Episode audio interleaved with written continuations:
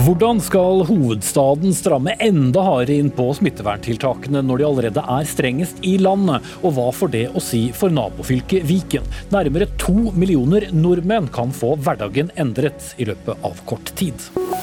Arbeiderpartiets nestleder brøt koronaregelen i hjemkommunen da han og sju andre partifeller arrangerte nachspiel samme dag som kommunen bestemte seg for å innføre rødt nivå i barnehagene.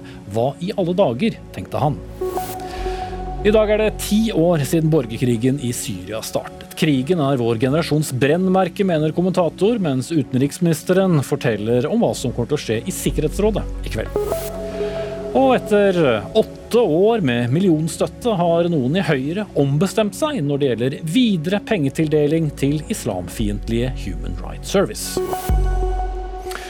Og med det ønsker vi velkommen til mandagens Dagsnytt 18 med Espen Aas. Senere i sendingen skal vi også diskutere kjøttimport og kritikken av musikken i selveste Norsk Rikskringkasting.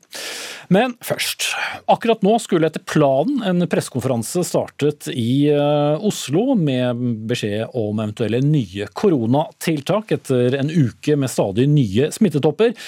Den er utsatt frem til eh, halv sju, men Eirik Mosveen, politisk redaktør i Avisa Oslo, en lokalavis i hovedstaden. Hva slags tiltak eh, er det grunn til å tro at eh, byrådet nå vurderer? Det er ikke noe å lure på at det blir nedstengning. Det er ganske opplagt at det blir av Oslo-skolen. Spørsmålet er hvor omfattende, og da er det litt forskjellige alternativer. Enten å stenge alle skolene, for alle. Eller eh, å stenge det i de bydelene eh, som mest, har størst smittetrykk. Eller du går inn på enkeltskoler og bare tar de. Men det tyder på at de har hatt en ganske tøff dag. For dette skulle vært på en måte klart for lenge siden, mange timer siden. Mm. Og bare det at pressekonferansen da er utsatt enda en halvtime, og at det ble klart for ikke så lang tid siden, forteller kanskje at det er en del vanskelige avveininger som gjøres? Det er meget vanskelige avveininger, og det er forskjellige råd. Eh, FHI skal visstnok eh, ha anbefalt full nedstengning, fikk jeg vite i går kveld. Så det blir veldig spennende å se hva konklusjonen til slutt blir. Mm. Og, og, Litt av poenget er jo at uh, selv om det er én kommune, én by, så er det veldig store forskjeller. Noen områder eller bydeler da, i, i hovedstaden har opp mot fire-fem ganger så høy smitte så, som andre. Det er helt riktig, og det er uh, bydeler som uh, har uh, mange med innvandrerbakgrunn. Og Det gjør jo også dette til et følsomt spørsmål når det gjelder hvilke skoler som skal stenges ned. Så alt dette her er på en måte oppe i den store gryta som de nå regner med da har konkludert, men vi kjenner ikke konklusjonene. Mm. Vi kommer tilbake til deg og tiltakene når klokken blir 18.30 her i Dagsnytt 18.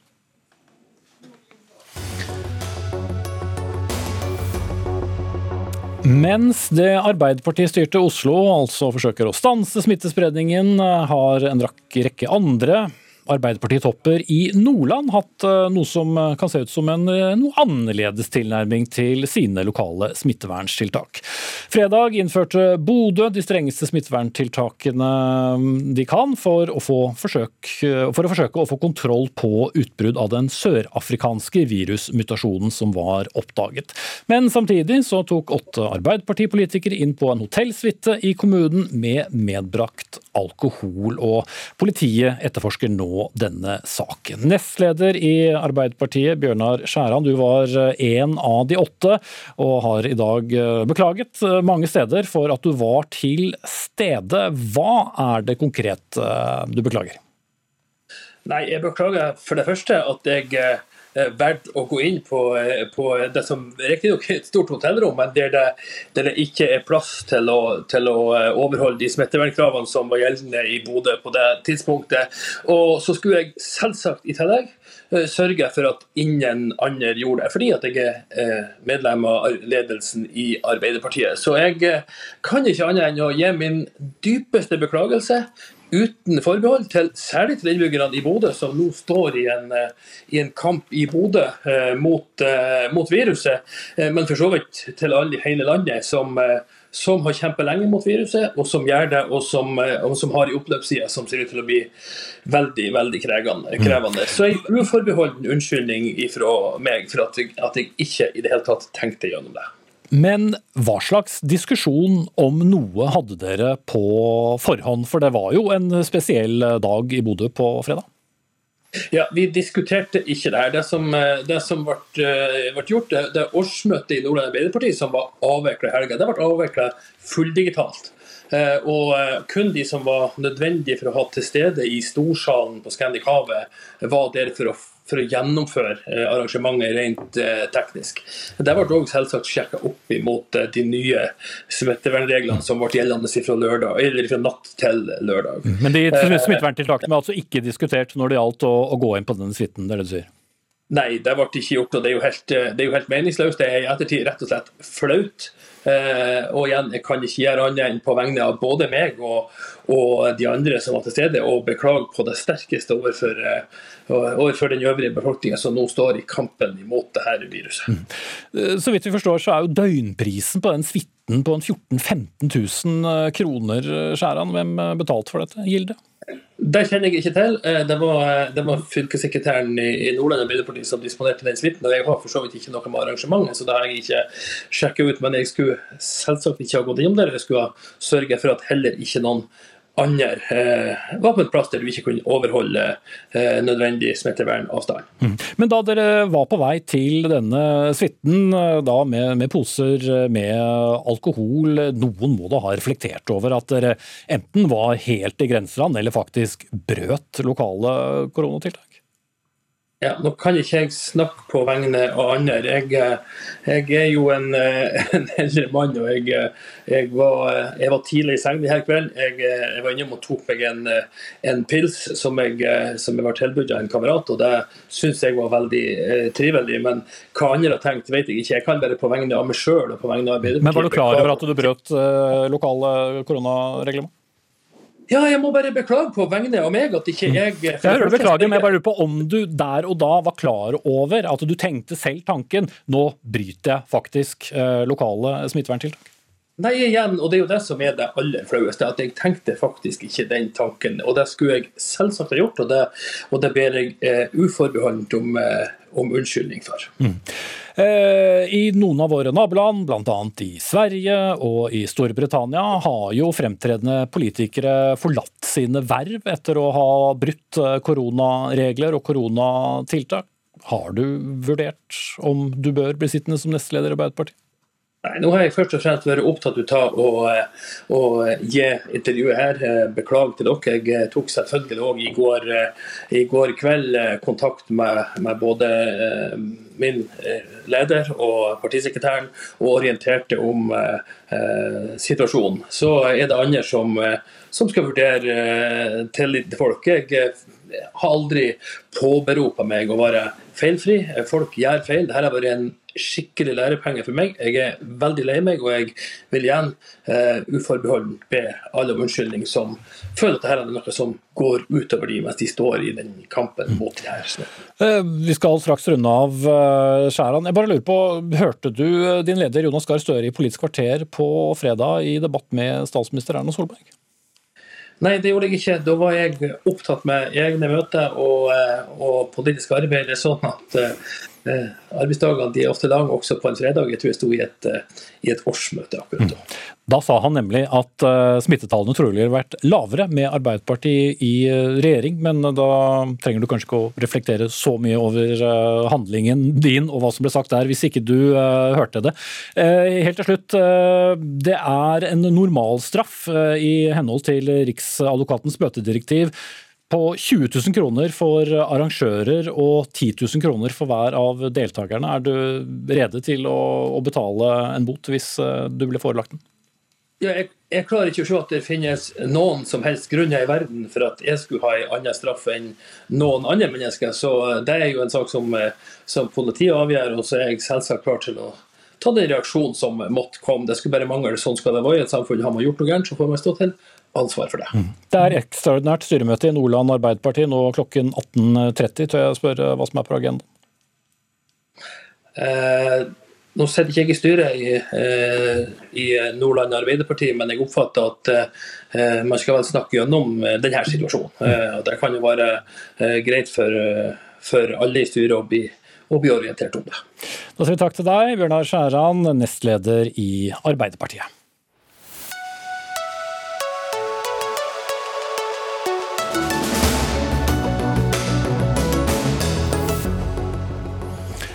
I dag eh, markerer verden tiårsdagen for starten på krigen i Syria. Ja, så mange år er faktisk gått. Og det er naturlig nok ingen lystig markering. Hundretusener er eh, drept. Halve befolkningen er drevet bort fra sine hjem og mer enn fem millioner mennesker har flyktet til Tyrkia og nabolandene.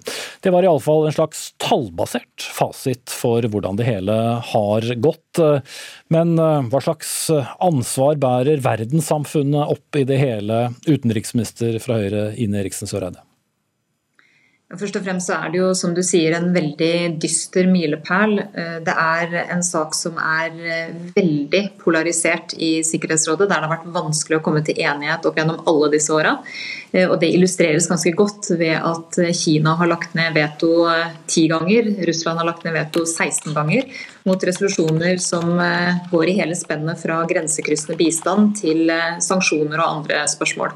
Så har jo Norge sammen med Irland fått ansvaret for Eh, resolusjonen om grensekryssende bistand, som det heter. Altså Dvs. Si å få hjelp inn fra Tyrkia til Syria. Det har også vist seg å være en vanskelig resolusjon å få fornya de gangene det har vært prøvd. Og vi forventer også at det nå fram mot sommeren blir komplisert og, og krevende. Og det er jo bare en politisk løsning som kan eh, bidra til å løse og skape varig fred i Syria.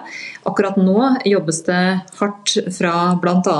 Eh, FNs generalsekretærs spesialutsending Geir O. Pedersen for å få til møter i denne såkalte grunnlovskommisjonen. Det jobbes også langs flere spor for å få til politisk bevegelse eh, for å finne en løsning. Men det er veldig krevende, veldig komplisert. Og mens alt dette skjer, så øker den humanitære nøden. Og det er stadig flere mennesker som trenger humanitær hjelp i Syria. Mm. Cecilie Hellesveit, konflikt- og folkerettsforsker ved Folkerettsinstituttet. Det er jo fristende å, gå litt tilbake i tid da, og se på den arabiske våren og spørre hvorfor den skulle få så ødeleggende konsekvenser for uh, Syria. Ja, Syria var jo det mest eh, autoritære regimet i Midtøsten eh, i 2011, for ti år siden. Og Det som skjedde i Syria, var jo at denne opposisjonen som, som i begynnelsen var vanlige syrere, som tenkte at nå skal vi få en, en, ny grunnlov, en ny forfatning og en ny sosial kontrakt i Syria, trodde at de hadde på en måte verdenssamfunnet i ryggen på den måten man hadde sett i Syria og i, nei, i Tunisia og Egypt. Og Det som skjedde utover i 2011 og 2012, var at det sakte, men sikkert ble til væpnet motstand. Det ble veldig brutal virkemiddelbruk på begge sider etter hvert. Og så ble det full borgerkrig fra 2012. Og da kom Iran inn på regimet sitt side og hjalp regimet. I 2013 så ble det brukt kjemiske våpen, og alle forventet at amerikanerne skulle komme inn på opposisjonens side. og de ja, Det var store debatter både, både, i USA og i fremtredende land som eh, Storbritannia og også Frankrike, men hvorfor skjedde ikke det? Det hadde sammenheng med at amerikanerne er på vei ut av Midtøsten. Og selv om Obama hadde svart på dette kjemivåpenangrepet, så var det aldri snakk om å gå inn i Syria på den måten amerikanerne gikk inn i Irak eller gikk inn i Afghanistan. Og Det var nok det syrerne på bakken kanskje håpte på. Det skjedde ikke. Og når alle skjønte at amerikanerne kommer ikke, så ble det et kaos, rett og slett. Geopolitisk vepsebol. Mm. For det ble jo stormakter involvert ja. på, på, begge sider, men, eh, og, og Russlands eh, engasjement ikke minst. Eh, har de på en måte kommet godt ut av dette? Når eh, Assad holdt på å falle i 2015, så kom russerne inn for å redde Assad. Da hadde han 16% av eh, territoriet i Syria igjen. Russerne kom inn, hjalp Assad til å bli værende med makten. Og i 2016 så fikk russerne også etter hvert med seg Tyrkia, og Tyrkia og Russland og Iran i fellesskap under på en måte en sånn russisk ledelse i Astana-rammeverket, eh, klarte etter hvert å legge den syriske borgerkrigen i bero. Eh, og gjennom de neste årene, frem til 2019, så har man liksom fått kontroll over disse ulike lommene inne i Syria. Eh, regimet har fått god kontroll over to tredjedeler av eh, territoriet. Og så har man Idlib-provinsen igjen. Så alle opprørerne som på en måte ikke har lagt ned våpnene sine eller har blitt drept eller har flyktet, de er da samlet i Idlib. Så på en måte den syriske borgerkrigen, det som er igjen av den, det er liksom Idlib-provinsen.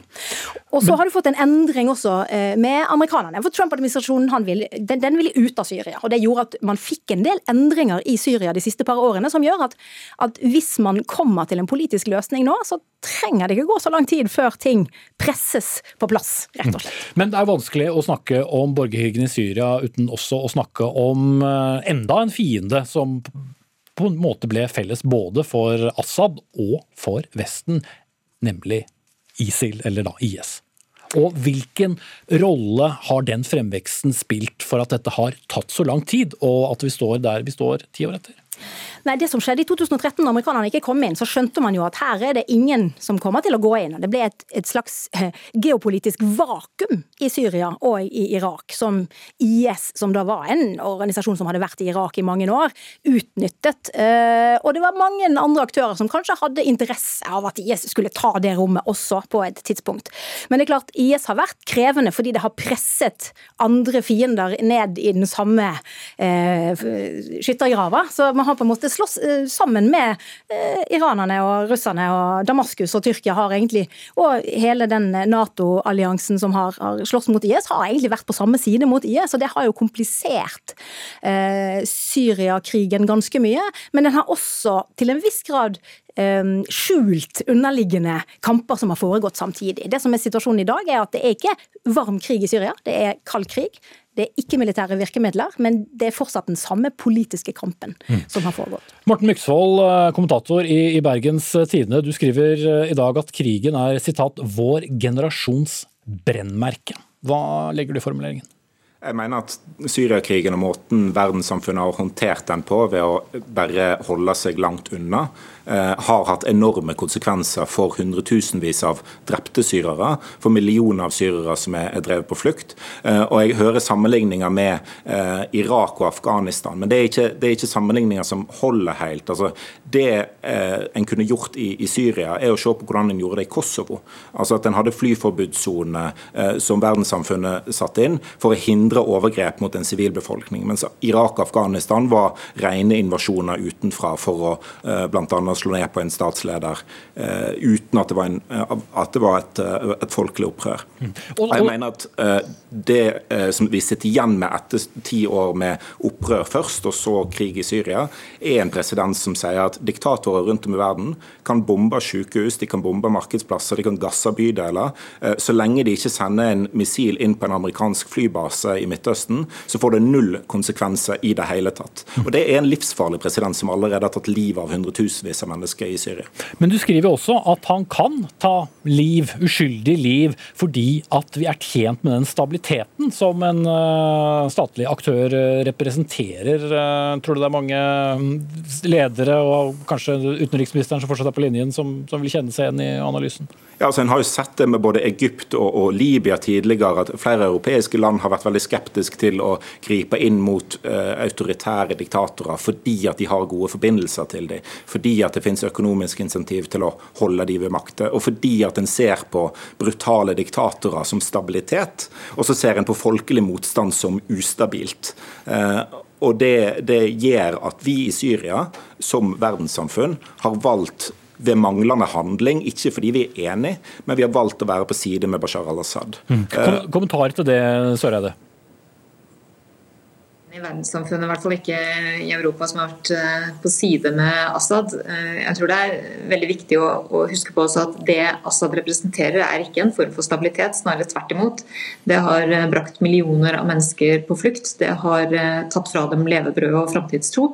Og vi ser jo egentlig en helt tapt generasjon i Syria som verken får utdanning eller jobbmuligheter. Og det er jo der både vi og andre yter og har ytt eh, store humanitære bidrag, men også bidrag til å finne politiske løsninger. Og Det er jo det som er mye av dilemmaet i situasjoner som denne, at eh, Sikkerhetsrådet har noen virkemidler man kan enten eh, tvinge gjennom en fredsbevarende operasjon eller autorisere bruk av militærmakt. Det har jo ikke vært aktuelt i dette tilfellet fordi det har vært eh, makter i Sikkerhetsrådet som ikke har ønska det, og dermed kunne legge ned veto og har gjort det. Det andre er jo selvfølgelig at man kan innføre sanksjoner. Det har heller ikke vært særlig aktuelt av de samme grunnene. Eh, og så er det å kunne forsøke å bidra til politiske løsninger, og det er Sikkerhetsrådet engasjert i. Men til syvende og sist så avhenger jo dette av at det er en vilje til å gjennomføre en politisk løsning. Og det har vi jo foreløpig sett lite til. Også fordi det har vært stater som har støtta opp om det syriske regimet militært, og sånn sett gjort at de, som både Cecilie Hellesveit og, og Myksvold var innom, har gjort at de har en, vært på trygg militær grunn, i den forstand at regimet da også sitter trygt. Mm. Og, og, til slutt, Hellesveit, ender vi da opp med en Assad som står igjen som, som uh, seierherren, som vi for så vidt var inne på i sted? Ja, dersom hans støttespillere ser seg tjent med det, så gjør han nok det. Men til syvende og sist så er det nok støttespillerne som vil avgjøre det. Jeg vil bare gjøre oppmerksom på én ting helt avslutningsvis. At det Sikkerhetsrådet har klart å gjøre i Syria, er å hindre en regional krig som kunne ha involvert eh, de store alliansene i, i verden. Så krigen i Syria kunne sett veldig mye verre ut hvis Sikkerhetsrådet ikke hadde vært der. Det er også litt viktig å huske på, eh, på dette tiårsjubileet som er fryktelig eh, nedslående, så kunne faktisk dette vært enda verre. Mm. Likevel en fattig trøst for uh, millioner som fikk merke det på kroppen. Takk til Cecilie Hellestveit, konflikt- og folkerettsforsker ved Folkerettsinstituttet. Ine Eriksen Søreide, utenriksminister fra Høyre, og Morten Myksvold, kommentator i Bergenstidene.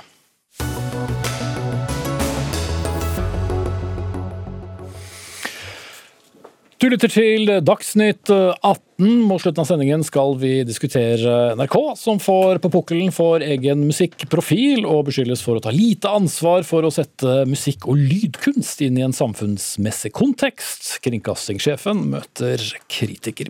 Men nå skal vi til den årlige og ikke minst omstridte statsstøtten på 1,8 millioner kroner til stiftelsen Human Rights Service, som driver den, det islamfiendtlige nettstedet rights.no.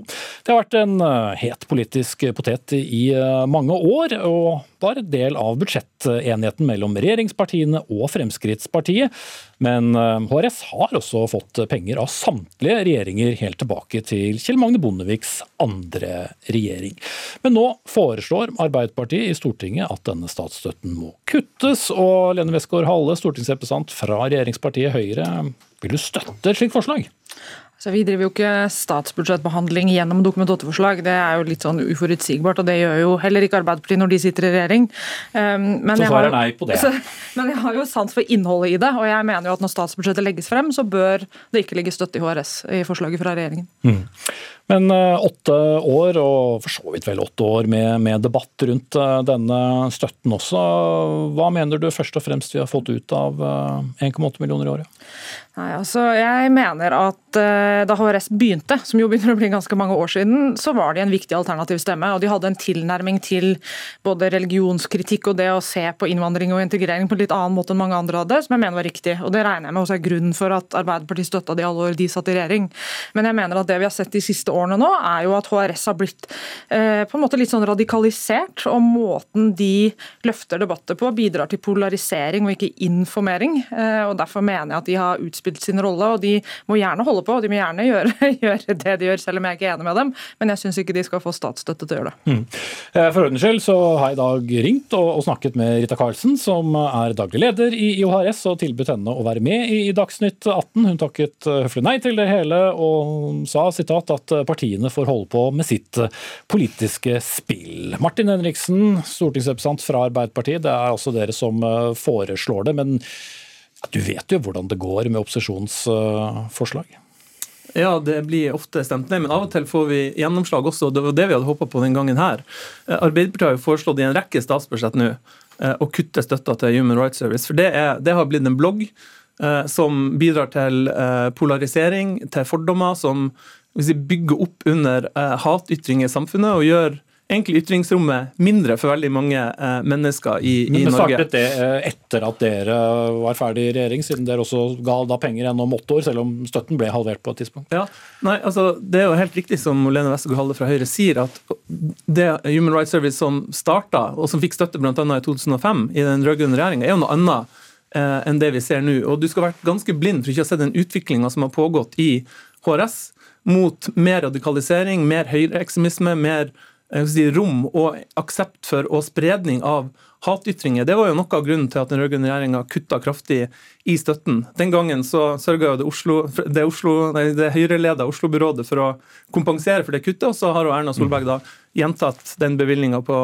rundt 1,8 millioner hvert eneste år. Og Det er farlig fordi eh, da er man statlig med å legitimere det som da egentlig er et radikaliseringsnettverk, en radikaliseringsmaskin. For det er det HRS har blitt. De har slutta å gi innspill, rapporter, politiske forslag. Eh, og nå driver de utelukkende nærmest med hatytring og Men polarisering. Er HRS, som da tar utrolig mye tid, eh, i hvert fall i en del eh, diskusjoner politisk, noe annerledes enn alt annet? Det gis jo støtte til religiøse foreninger, mm. det gis støtte til politiske partier. Vi gir selvfølgelig da pressestøtte til en rekke store og små aviser. Men er nettopp dette omstridte HRS noe, noe særegent? Ja, det er det. Fordi jeg er helt for at vi skal gi støtte til organisasjoner vi er uenige med. Og det er masse organisasjoner på statsbudsjettet som jeg ikke nødvendigvis eh, er enig i eller støtter. Men det må gå et skille en plass. Og når du fremmer hatytringer, polarisering og bidrar til det som bl.a. PST har pekt på PST har jo sagt at uh, de to største terrortruslene i Norge er høyreekstreme og radikale islamister. Det vi vet om høyreradikale, er at de først og fremst radikaliseres av høyreekstreme nettsteder. Og det at eh, et sånt høyreradikalt nettsted eh, skal være sponsa av staten og få den legitimiteten eh, år etter år etter år, det mener jeg er helt feil. Og, det, og dette er et særegent tilfelle i så måte, mener du da? Det er et særegent tilfelle, og det som er frustrerende, det er å høre at enkeltrepresentanter fra Høyre gang på gang sier at nei, det her er vi kritiske til. Så går de inn i stortingssalen, stemmer sammen med Fremskrittspartiet og sikrer den støtta. Og Vi har hørt den unnskyldninga og bortforklaringa okay. om at det er budsjettspørsmål. Derfor fremmer vi representantforslag nå, løsrevet fra budsjettet. Ja, det har vi notert oss. Eh, men, men Westgård-Halle, er, det, er det litt sånn lettere å, å, foreslå det nå som dere, vel ut fra meningsmålingene i alle fall, kan uh, legge opp til deres siste statsbudsjett? Nei, Jeg har jo ment dette i noen år og vært for så vidt eh, tydelig på det. Men jeg tror nok de fleste har fått med seg at dette ikke er noen hjertesak for Høyre. Eh, og dette har vært en Frp-sak i den tiden vi har sittet eh, i regjering. Høyre har jo også lagt frem statsbudsjett uten å ha HRS inne, og så har Frp forhandla det inn. Litt pussig at 1,8 millioner skal ha så mye å si for et statsbudsjett på ja. 1000 milliarder. Ja, det er jo ikke det, men det, det, jo, det, som er synd, da, det er jo at vi egentlig så burde vi jo ikke ha en sånn budsjetteknisk debatt om vi skal gjøre dette igjen med Dokument 8-forslag, eller om det skal gjøres i statsbudsjettet. Det vi jo bør diskutere, er jo at vi trenger alternative stemmer, og at de alternative stemmene på høyresida Eh, vel flere av dem, altså det gjelder jo ikke bare HRS, nå skal jeg ikke nevne flere for de er ikke med i debatten her, men de har jo en tendens til å bli radikalisert. og Det er jo en utfordring som vi har. Vi trenger, og jeg vil gjerne være med på, å finansiere um, alternative, alternative, stemmer som Bare det er politisk korrekt nok? Nei, altså det trenger ikke å være politisk korrekt i det hele tatt, men du må klare å skille på det å være religionskritisk, som er viktig å være. Vi trenger religionskritikk i Norge. altså Selv så er jeg katolikk. Det er jo åpenbart at den katolske kirken har trengt uh, å bli sett etter i kortene. Det samme gjelder eh, islam, og det samme gjelder alle andre religioner. Så vi trenger religionskritikk. Utfordringen er jo at HRS gjør det på en måte hvor ikke de skiller kritikk og hets. De var kritiske, og så går de over til veldig ofte, ikke alltid, men veldig ofte å hetse og henge ut enkeltpersoner og bruke litt sånn merkelige eksempler, sånn som da de løftet dette med at Vy hadde farget togene sine grønne fordi det var eh, islams farge, så derfor var det en snikislamisering. Altså det, det blir liksom litt sånn på grensen til latterlig, sammen med at de henger ut enkeltpersoner, eh, som ikke er greit. Men som da fortsatt får denne eh, støtten inntil videre. Men gir man et uh, hva skal vi si, i utgangspunktet lite nettsted, sammenlignet i hvert fall med noen av de største nyhetsstedene i Norge, litt for mye oppmerksomhet med dette, Henriksen?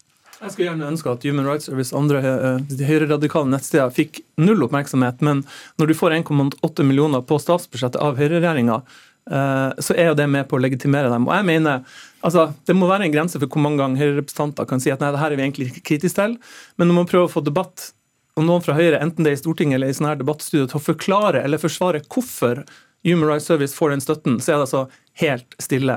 Og det går en grense for hvor, ja, men, men, men, du har heller ikke forklart hvorfor det er viktig å gi HRS denne eh, støtta. Eh, det er det ingen fra Høyre som, som, gjør. Jeg mener Det går en grense for hvor mange ganger man kan sitte i studio og si at det er problematisk, men likevel fortsette å gi den støtta år Må snart eh, runde av, for jeg tror en byrådsleder eh, straks skal tale. Men du kan svare kort. Ja, veldig kort. Altså, tanken bak var jo det samme som dere hadde da dere satt i regjering og finansierte det i åtte år. Det var jo at man skulle ha disse alternative stemmene, som jeg nevnte. Og vi, trenger, og vi trenger de alternative stemmene, men det får vi ikke. og Derfor er jeg også enig i at HRS ikke burde få statsstøtte. Ok, da er det notert. Nå ser jeg på en skjerm på min høyre side at byrådsleder Raymond Johansen fra Arbeiderpartiet har tatt av seg munnbindet og brettet det sammen, og har ønsket velkommen til pressekonferanse. Forrige uke ble 1960 oslofolk registrert smittet av koronaviruset. Vi har aldri vært i nærheten av å registrere et så høyt smittenivå som vi har gjort den siste uka. Antallet som tester seg, er høyere enn noensinne. Bare forrige uke testet over 50 000 personer seg for koronaviruset i Oslo. Hittil i år har over 175 000 testet seg. Fordi vi tester mer, kan vi også spore mer smitte, stoppe spredning tidligere. Våre smittesporingsteam gjør en enorm innsats, men vi er bekymret for deres kapasitet. Husk dette. Forutsetningen for at vi skal ha kontroll over denne situasjonen, er at hele apparatet med testing, isolasjon, smittesporing og karantene fungerer. Hvis smitten blir for høy over for lang tid, risikerer vi at systemet kneler. Da mister vi kontrollen. Selv om vi har hatt svært strenge tiltak i Oslo i lang tid, har smitten mer enn firedoblet seg siden begynnelsen av februar. Antall innlagte på sykehus øker raskt. Folkehelseinstituttet beregner at reproduksjonstallet i Oslo nå er på hele 1,5. Smitten stiger i alle bydeler, men det er stor forskjell i smittetrykk mellom bydelene. Bydelene Stovner, Grorud og Alna har nå et svært høyt smittetrykk, med rundt 1% av befolkningen registrert smittet de siste 14 dagene. Så ser vi at utbrudd skjer over hele byen, og at alle deler av Oslo ligger på et høyt nivå sammenlignet med resten av landet. Det er ingen tvil om at vi er inne i en tredje smittebølge. Det den som skiller fra de tidligere smittebølgene, fordi den er drevet av muterte og langt mer smittsomme virusvarianter. Det er spesielt den britiske varianten av viruset som dominerer i Oslo. Denne sprer seg mer blant barn og unge og har vist seg mye vanskeligere å slå ned. De tiltakene vi har brukt til å slå ned tidligere smittetopper, som vi har klart flere ganger i Oslo, er nå ikke nok til å slå ned smitten. Vi ser f.eks. at trafikklysmodellen i skolene ikke ser ut til å være tilpasset en situasjon der mutert virus sprer seg lettere mellom barn. Vi må ha enda strengere tiltak. Vi må unngå at kapasiteten på sykehusene blir sprengt. Vi må sikre at kommunens kapasitet for testing og smittesporing ikke kneler. Vi står i en svært krevende avveining. Belastningen av tiltakene har vært stor for oslofolk i lang tid. Samtidig må vi få presset smitten ned. Vi har gjennom helga hatt tett kontakt med Folkehelseinstituttet og Helsedirektoratet. Vi har fått faglig råd fra dem. Rådene er ikke helt entydige og vekter ulike hensyn noe forskjellig. Det understreker hvor vanskelig situasjonen er. Beslutningen har vi fattet på bakgrunn av helsemyndighetenes råd, våre egne fagfolks vurderinger og en grundig vurdering av forholdsmessighet gitt den smittesituasjonen vi nå er i. Til syvende og sist må vi som kommune ta det ansvaret vi har etter smittevernloven, og gjøre det som må til i en veldig krevende situasjon. Disse tiltakene kommer på toppen av alle, av alle eksisterende tiltak og vil samla sett være de mest inngripende tiltakene i Oslo til nå i pandemien. Men som jeg tidligere har sagt, vi er villige til å gjøre alt vi kan for å slå ned viruset. Vi har gjort det tidligere, og vi skal også lykkes denne gangen. Det er tøft, og det er vanskelig, og det er nødvendig. Vi innfører et forbud mot mer enn to besøkende i private hjem. Dette er svært inngripende og alvorlige tiltak. Vi vet at veldig mange i byen allerede lever som om dette er regelen. Men vi vet også at det er for mange som samles i private hjem, og som fremdeles har for mye kontakt. Den eneste måten å stoppe det muterte viruset er å stoppe mest mulig av den sosiale kontakten. Vi innfører flere skjerpede tiltak i skolene. Smittetrykket er nå så høyt blant barn og unge at det er nødvendig. Vi innfører heldigital undervisning, altså hjemmeskole for ungdomsskolen og videregående skole i hele Oslo. Vi stenger alle barnehager og aktivitetsskoler i påskeuka. Barn av foreldre med samfunnskritiske jobber vil få et tilbud ved behov. Vi innfører hjemmeskole for 5. til 7. trinn for alle skoler i, bydelen, i bydelene Grorud, Stovner, Alna, Bjerke, Gamle Oslo, Grünerløkka og Søndre Nordstrand. Disse bydelene har over tid hatt det høyeste smittetrykket, og det er derfor nødvendig med særlig strenge tiltak her. Vi mener det nå er nødvendig med enda mer målretta tiltak i disse bydelene. Og vi innfører derfor for første gang differensierte tiltak på bydelsnivå. Barn i sårbare livssituasjoner og barn med foreldre med samfunnskritiske funksjoner skal få et tilpasset tilbud om fysisk tilstedeværelse. Det kan også være nødvendig å innføre digital undervisning for denne aldersgruppen i andre bydeler dersom smittesituasjonen lokalt tilsier det. Vi viderefører alle de strenge tiltakene som gjelder i Oslo.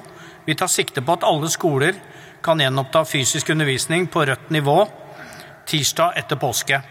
Øvrige tiltak gjelder til fredag 9. april. De siste ukene har det kommet gode og dårlige nyheter om hverandre. Vi har fått veldig positive anslag for hvor mange vaksiner som er på vei. Ikke minst vil Oslo framover få flere vaksiner. Det er vi glad for. Samtidig har det kommet jevnlige tilbakeslag i leveringen av vaksinene. På fredag stoppet vaksineringen i hele landet med AstraZeneca-vaksinen pga. meldingen om mulige alvorlige bivirkninger. I Oslo har vaksineringen av de eldste gjort at vi får færre dødsfall, og mange av de mest utsatte er vaksinert. Samtidig har vaksineringen foreløpig ikke bidratt til å få ned verken smittespredningen eller sykehusinnleggelser. I dag kom det forskningsresultater som viser at hele 60% av dem som blir syke, sliter med senvirkninger. Det understreker det store alvoret i denne pandemien, og hvor viktig det er å skåne flest mulig fra å bli smittet. Også yngre folk blir veldig syke, blir innlagte på sykehus og må leve med langvarige plager.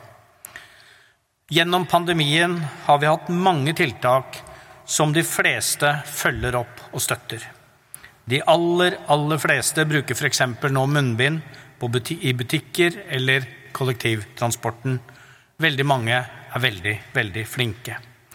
Så har vi en del tiltak som det er større uenighet om, og som det er større motstand mot. Å innføre heldigital undervisning, hjemmeundervisning, i skolene er et av de mer kontroversielle tiltakene som nok mange kommer til å være uenig i. Å begrense muligheten for å besøke, for besøke private hjem så mye som vi gjør nå, vil være helt uaktuelt for kort tid siden. Men hvis det er noe denne pandemien har lært oss, er det å leve med ekstrem uforutsigbarhet. Det muterte viruset har forandra spillereglene og har gjort det nødvendig å gå enda lenger for å stoppe spredningen av denne alvorlige sykdommen. Denne pandemien fortsetter å gjøre livet til barn, unge og voksne vanskelig. Vi vet at dagens tiltak gjør livet enda vanskeligere for mange. Vi vet at også mange allerede følger et veldig strengt regime og gjør alt de kan for å unngå smitte. Målet vårt er at vi med disse strenge tiltakene kan presse smitten ned, så vi igjen kan åpne mer.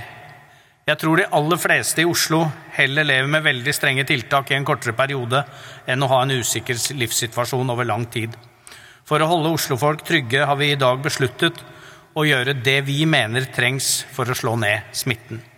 Hvis nå alle bidrar i et krafttak de neste ukene, følger alle regler, møter færrest mulig, så kan vi sammen slå ned smitten og bidra til å åpne opp samfunnet vårt igjen.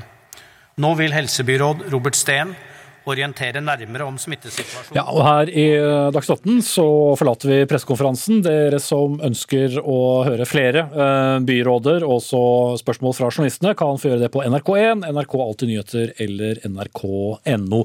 Med meg i studio fortsatt politisk redaktør i Avisa Oslo, Erik Mosveen, og også helsedirektør Bjørn Gullvåg. Ett år og tre dager etter at Norge stengte ned, så strammer vi altså inn mer enn vi noen gang har eh, gjort i, eh, i eh, hovedstaden. Er dette i samsvar med anbefalingene som dere har kommet med? Ja, det er det i veldig stor grad. Jeg syns det er tatt veldig gode grep i Oslo nå. Og Den analysen som Raymond Johansen legger fram, er vi veldig enig i. Det er helt avgjørende at vi beholder kontrollen i pandemien. Og eh, denne teste, isolering, smittesporing og karantenestrategien den er nå satt under veldig press i denne regionen. og Dessuten så ser vi en eh, veldig sterk økning i sykehusinnleggelser, som helt uavhengig av hva vi nå gjør, vil fortsette noe i de nærmeste ukene. Så dette er en veldig veldig krevende situasjon, og jeg skjønner de veldig vanskelige valgene de har stått overfor. og og Her uh, hører jeg også at de, i, så langt de klarer, uh, ønsker å ivareta barn og unges hensyn uh, ved å differensiere mellom bydelene, som jeg vet også har vært et vanskelig tema. Mm. Utenfor hovedstaden så er det et storfylke med nesten 1,2 millioner innbyggere. Der har det vært hektisk møtevirksomhet, bl.a. med statsforvalteren. Bør det innføres tilsvarende tiltak i disse kommunene? Vi tror eh, vi nå eh, bør harmonisere noe mellom eh, Viken og Oslo. Til sammen så utgjør to, dette området ca. 80% av den totale smittebyrden i Norge for tiden. Så det er her på en måte de, aller viktigste tiltakene nå bør iverksettes. Og det bør skje en harmonisering i de øvrige kommunene også i Viken. Og så får vi se hva som blir liksom resultatet av det. Men men det å legge seg i hvert fall ikke så veldig langt unna det som Oslo nå har eh, lagt seg på, tror vi er klokt. Mm. Du skal videre til Dagsrevyen, Bjørn eh, Gullvåg. Erik Mosveen, for første gang så differensierer man mellom bydeler, og tar dermed på alvor eh, at smitten er fordelt annerledes. Hva slags signaler er det Raymond Hansen sender nå? Altså jeg oppfatter jo at Begrunnelsen er at man ønsker å skåne uh, ungdommer og skoleelever i den alderen. Uh, så jeg tror kanskje ikke det er så kontroversielt, men det er klart de bydelene som her er pekt på, er jo de mest eh, måte, innvandringstette bydelene i Oslo. Og det er en fare for at det kan være stigmatiserende. Men jeg tror kanskje at det går greit, fordi det er en viss fornuft i det, som jeg tror de fleste ser. Mm. Det er i alle fall påske om eh, under to uker. Da blir det en pustepause for noen. Takk til Eirik Mosveen, politidirektør i Avisa Oslo, og helsedirektør Bjørn Gullvåg.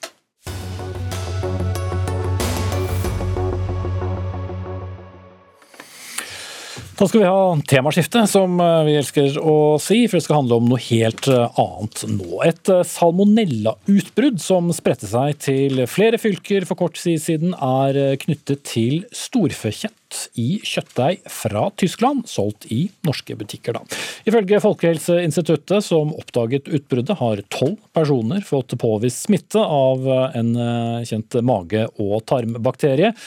Men det har også startet en debatt om merking av mat. Og Emilie Enger Mehl, stortingsrepresentant fra Senterpartiet, du var raskt på, bl.a. også i Dagsnytt 18 her eh, før eh, helgen. Men hvordan vil bedre matmerking stoppe bakterieutbrudd, egentlig? Dette handler jo om at eh, norsk matproduksjon er helt i verdenstoppen på helse, på sunnhet i matproduksjonen. Vi har veldig lav eh, bruk av antibiotika i forhold til andre land. Og det er også høyere risiko for smitte av salmonella eh, når man importerer mat fra andre land.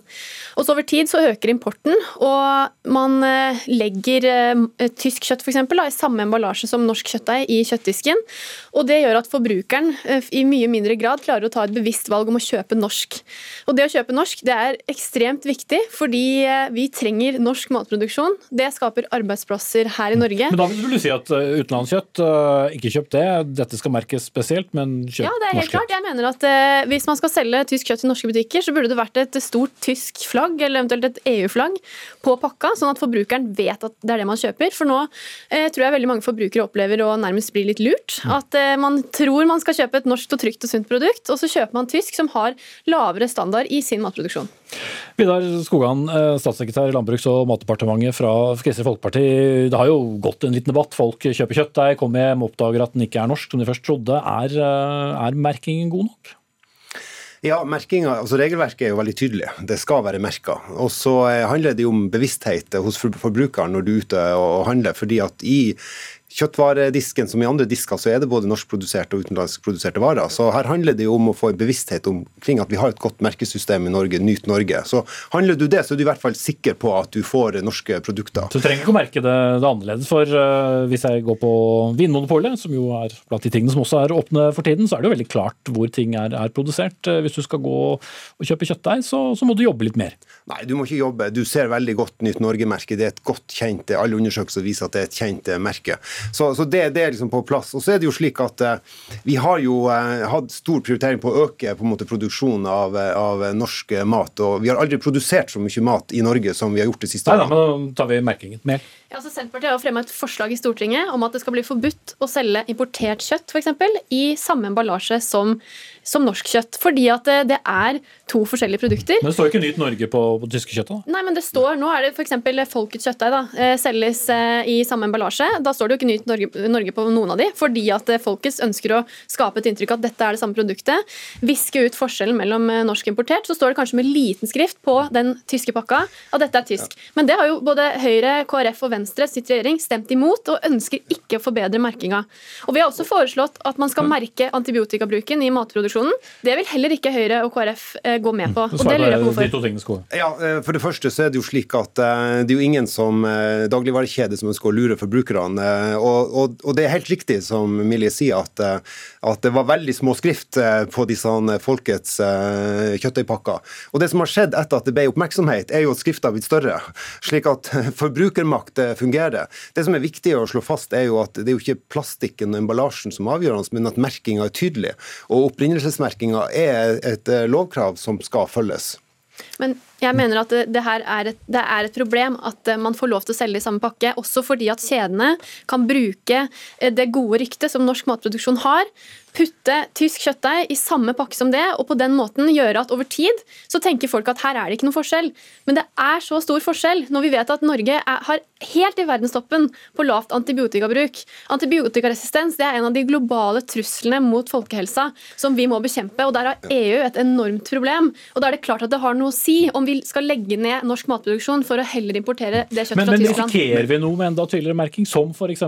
Med, med, med flagg, da, som man gjør på, på andre matvarer? Nei, altså, vi, Det må gjerne klistres på både flagg og store bokstaver, i tillegg til Nytt Norge-merke og geografisk opprinnelse. Men, men, det er på en måte ikke hoveddebatten. Altså, hoveddebatten handler jo faktisk om at norske forbrukere skal kunne gjøre bevisste valg, og at vi har en høy norsk produksjon, og at vi klarer oss å fylle opp gjennom landbrukspolitikken, slik at norske forbrukere får kjøpt norsk mat, de som ønsker det. Og så er det jo sånn at Når vi reiser i utlandet, så spiser vi noe kjøtt fra andre land. og vi handler, Før pandemien handla vi mye i Sverige osv. slik at Hele tida så, handler det om, ja, så handler det om å gi norske forbrukere muligheten til bevisste valg, og det mener jeg vi gjør med, med dagens regelverk. Men uh jeg mener jo at dette er en veldig bagatellisering her. Altså, eh, Høyre og Frp med støtte fra KrF og Venstre har jo liberalisert jordbruk f.eks., sånn at det blir Eh, dårligere lønnsomhet i landbruket, og det gjør at eh, konkurransen mot utlandet blir vanskeligere for bonden. Og Vi får økt import av mat. I tillegg så merker man importmaten dårligere. Og til slutt så ender det med at den tyske kjøttdeigen sniker seg inn i kjøleskapet til folk uten at man i det hele tatt kanskje har vært klar over det. Men her snakker Emilie mot fakta, for fakta er det at vi importerer mindre. altså Før pandemien slo inn, det har skjedd noe etter da, men vi importerer mindre og vi produserer mer enn det skjedde under den rød-grønne regjeringa. Det viser alle tallene. Ja. Men, men, men, merkingen var vel fortsatt uh, utgangspunktet her, men vi forstår at vi skjøtte det hele bra. Takk til Vidar Skogan, statssekretær i Landbruks- og matdepartementet fra Kristelig Folkeparti, og Emilie Enger Mehl, stortingsrepresentant fra Senterpartiet.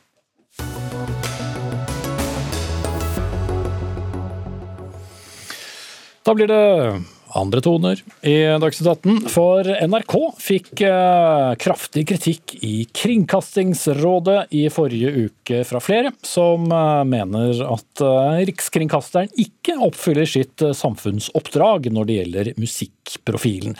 Det kom en tolv sider lang klage, og den var forfattet av dere, Jørgen Karlstrøm, styreleder i Norsk Komponistforening. Hva er det som er så galt med NRKs musikkprofil uten å gjenta alle tolv sidene, åpenbart? Jeg skal forsøke å summere det opp i tre punkter. Eh, det går ut på at vi mener at bredden og mangfoldet i det som tilbys, både musikk og kunst- og kulturtilbud generelt, den er svekka over flere år. Eh, punkt nummer to er at vi mener det norske musikklivet og for så vidt eh, øvrig kulturlivet også får et mindre spillerom. Eksempler på det er jo det bokstavelige eksempelet ved at Eh, programmet som het Spillerom ble lagt ned. Der forsvant fem timer med redaksjonell dekking av mye av det mangfoldet vi etterlyser. Det tredje poenget er at um, den redaksjonelle behandlinga er generelt svekka. Mm. Hvordan da? Jo, mye av det vi kan kalle, eller det som skaper bredden, er fjerna, flytta ut av viktige sendeflater og over i mer nisjeprega kanaler. Et eksempel jeg kan nevne er NRK Jazz, kanalen som kalles NRK Jazz. Der er det nå, så vidt jeg vet, én ansatt. Det er klart at det er vanskelig å få til en bred redaksjonell dekning av et helt felt på den måten. Og sånn gjelder mm. Så det, er blitt for, for allmenn uh, musikk og, og, mindre av det ja, litt spesielle og, og sære, hvis du tilgir uh, uttrykket? Eh, ja, så Det er klar regning mot det som er mer mainstream. og Det tenker vi at eh, det er ikke det som er hovedvekten av NRKs intenderte oppdrag, sånn som det er gitt uttrykk for gjennom NRK-plakaten. Mm. Vi har jo en som eh, er ansvarlig for å følge den plakaten. Han heter Tor Gjermund Eriksen og er kringkastingssjef. Tolv sider lang klage. Tar du den på alvor? Vi tar selvsagt alltid den type diskusjon på alvor. Og jeg inviterer gjerne til mer dialog. men det er når man leser denne tolv siders lange klagen, så har jeg lyst til å si at eh, det virker som liksom alt er galt. Og jeg er ganske stolt av meget kompetente medarbeidere i NRK. Eh, kultur, kulturmedarbeidere. Og så er det jo sånn at Jørgen Karlstrøm har rett i én ting, eller flere ting. Det er at det, altså. det, det, ja, det har vært store endringer i kulturtilbudet til NRK. Og I klagen så tidfester dere til at alt var egentlig blitt verre siden 2001. Eh, omtrent da Einar Førde eh, slutta i NRK. Og etter det så har det vært store negative endringer. Noe av endringene kommer jo rett og slett av at vi lever i en helt annen medievirkelighet.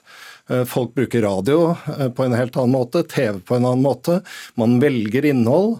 Eh, og Det gjør at den type faste programmer som Jørgen Karlstrøm savner, og som jeg også av og til kan savne, det er veldig lite effektiv måte å nå ut med kulturuttrykk og, og skape engasjement og Så det kan måtte bli mer kommersiell? Nei, men det har ikke noe med kommersielt å gjøre. men det har flater. Jo, men du sier jo at Nei, det, det, det, det de smalere programmene, smalere musikken, som, eller i hvert fall det som han nå, etterlyser Nå har verken Karlstrøm eller jeg brukt uttrykket bred eller smal, men jeg har lyst til å bruke bred på én måte.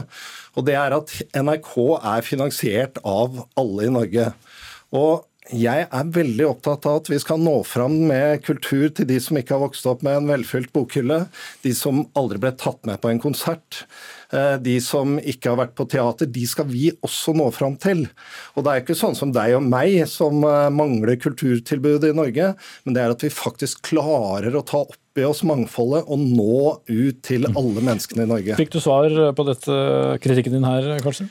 Nei, altså, Jeg skal gi han rett i én ting her, og det er at det har vært en veldig stor endring. og Det har jo NRK i lang tid benekta, for den kritikken har jo blitt framført i flere år nå. og det er jeg veldig glad for å høre at det på en måte... Men uh, så er det sånn at jeg vil si at det er faktisk en sterk kommersialisering her. Det, den er helt klar og tydelig. og nettopp de tingene som du... Hva mener du med kommersialisering? Kork, ja, det er at, med, det er at mainstreamen prioriteres over nisjekanalene. Det kan du se f.eks. gjennom at NRK da setter én ansatt og liksom driver en hel kanal. Og det, det, det, er et, det er et eksempel på Men premisset er jo galt. Og Hvis vi ser på TV, da, så sier jo NRK sjøl eh, egne årsrapporter at Eh, sendeflata som gis til eh, kultur, kunst, eh, medier, den er halvert fra 2011 til 2019. Samtidig så er jo satsingene på valgbar-TV. altså Man har gått over fra faste kunstprogrammer, f.eks. til en serie som heter Kunstsamlerne, eller Arkitektens hjem, for å få innhold som folk finner og velger og liker i stor grad. Og så er det noe med Ehm, jeg, jeg, tenker at vi må sette oss ned. For å ha en dialog så må vi se på hvilke argumenter du har og hvilke argumenter vi har. For vi har én ambisjon som er felles, og det er at vi skal nå fram med kultur til folk i Norge. Og da tror jeg at hvis vi liksom bare tar fram de gamle programmene og tenker at vi skal tenke i en lineær verden, så er det veldig lett å, å, publisere veldig mye fantastisk kultur, men det får ikke noe konsekvens, for det når ikke folk. Altså, men, vil... men, hva konkret er det? Altså, er det, skal det være de samme programmene? Kan ikke mye av det samme innholdet dukke opp i, i andre flater? I en modernisert eh, presentasjon f.eks.? Det er ingen som har etterlyst at vi skal gå bakover i tid. Tvert imot så vil vi langt langt framover, og gjerne langt uh, fram fra det tilbudet som vi har i dag. Og uh, i dag, uh, apropos nå alle de ulike gruppene som finnes der ute og det de har lyst på, så publiserte 18 musikk- og kultur og kunstorganisasjoner et opprop i VG der man faktisk gir eh, støtte til denne kritikken, og viser også at den eh, dreier seg om langt mer enn bare musikk. Den dreier seg om visuell kunst, scenekunst, teater, litteratur. Ja. Eh, det, er en svekkelse her.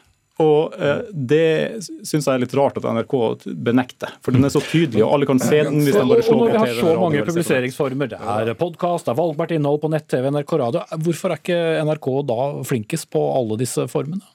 Jeg tror kanskje at Jørgen Karlstrøm og jeg er enige om at NRK er flinkest i Norge i forhold til denne type kulturdekning, og flinkest til å nå fram med klassisk musikk, billedkunst, scenekunst eh, og musikk i det hele tatt til publikum i Norge. Det er vel ikke det eh, jeg oppfatter, jeg oppfatter egentlig Jørgen Karlstrøm som, som en venn av NRKs allmennkringkasteroppdrag, men at vi diskuterer hvordan skal vi nå fram til folk med, med innholdet. Men vi velger noe bort på veien? Nei, det er ganske interessant. Jeg leste det opp, oppropet og syns det er interessant. Det er jo en hel rekke med organisasjoner og interesseorganisasjoner og Det er veldig lett å bli enige om at vi skulle ønske mer fra NRK, men jeg er ikke helt sikker på om dere ville blitt enige hvis dere skulle gå inn i konkrete diskusjoner. Eksempelvis NRK aldri satsa så mye på norsk drama, aldri lykkes så godt. Eh, aldri hatt et så stort publikum, og det er fordi vi har et fantastisk dramamiljø i Norge. Med all denne ingen, ingen tvil om at det er mye bra som foregår på NRK, men det er også mye som er skrelt bort. Og det er det vi etterlyser. Det er alt som mangler, ikke alt som finnes Nei, der. Og det er klart at det er en reduksjon på veldig mange felt, og det er det mange som har fått men, med seg. Og det viser også engasjementet rundt denne klagen som vi sendte til Kringkastingsrådet. Er det noe jeg skal si? Hyggelig at dere engasjerer dere. Ikke engang kringkastingssjefen kan gjøre denne sendingen lenger. Takk til eh, Jørgen Karlstrøm, styreleder i Norsk Komponistforening og kringkastingssjef i NRK Tor Gjermund Eriksen, for vi er ved veis ende. Dag Dørum var ansvarlig for eh, sendingen. Hilde Tosterud tok seg av det tekniske. Jeg heter Espen Aas. Vi er tilbake igjen i morgen.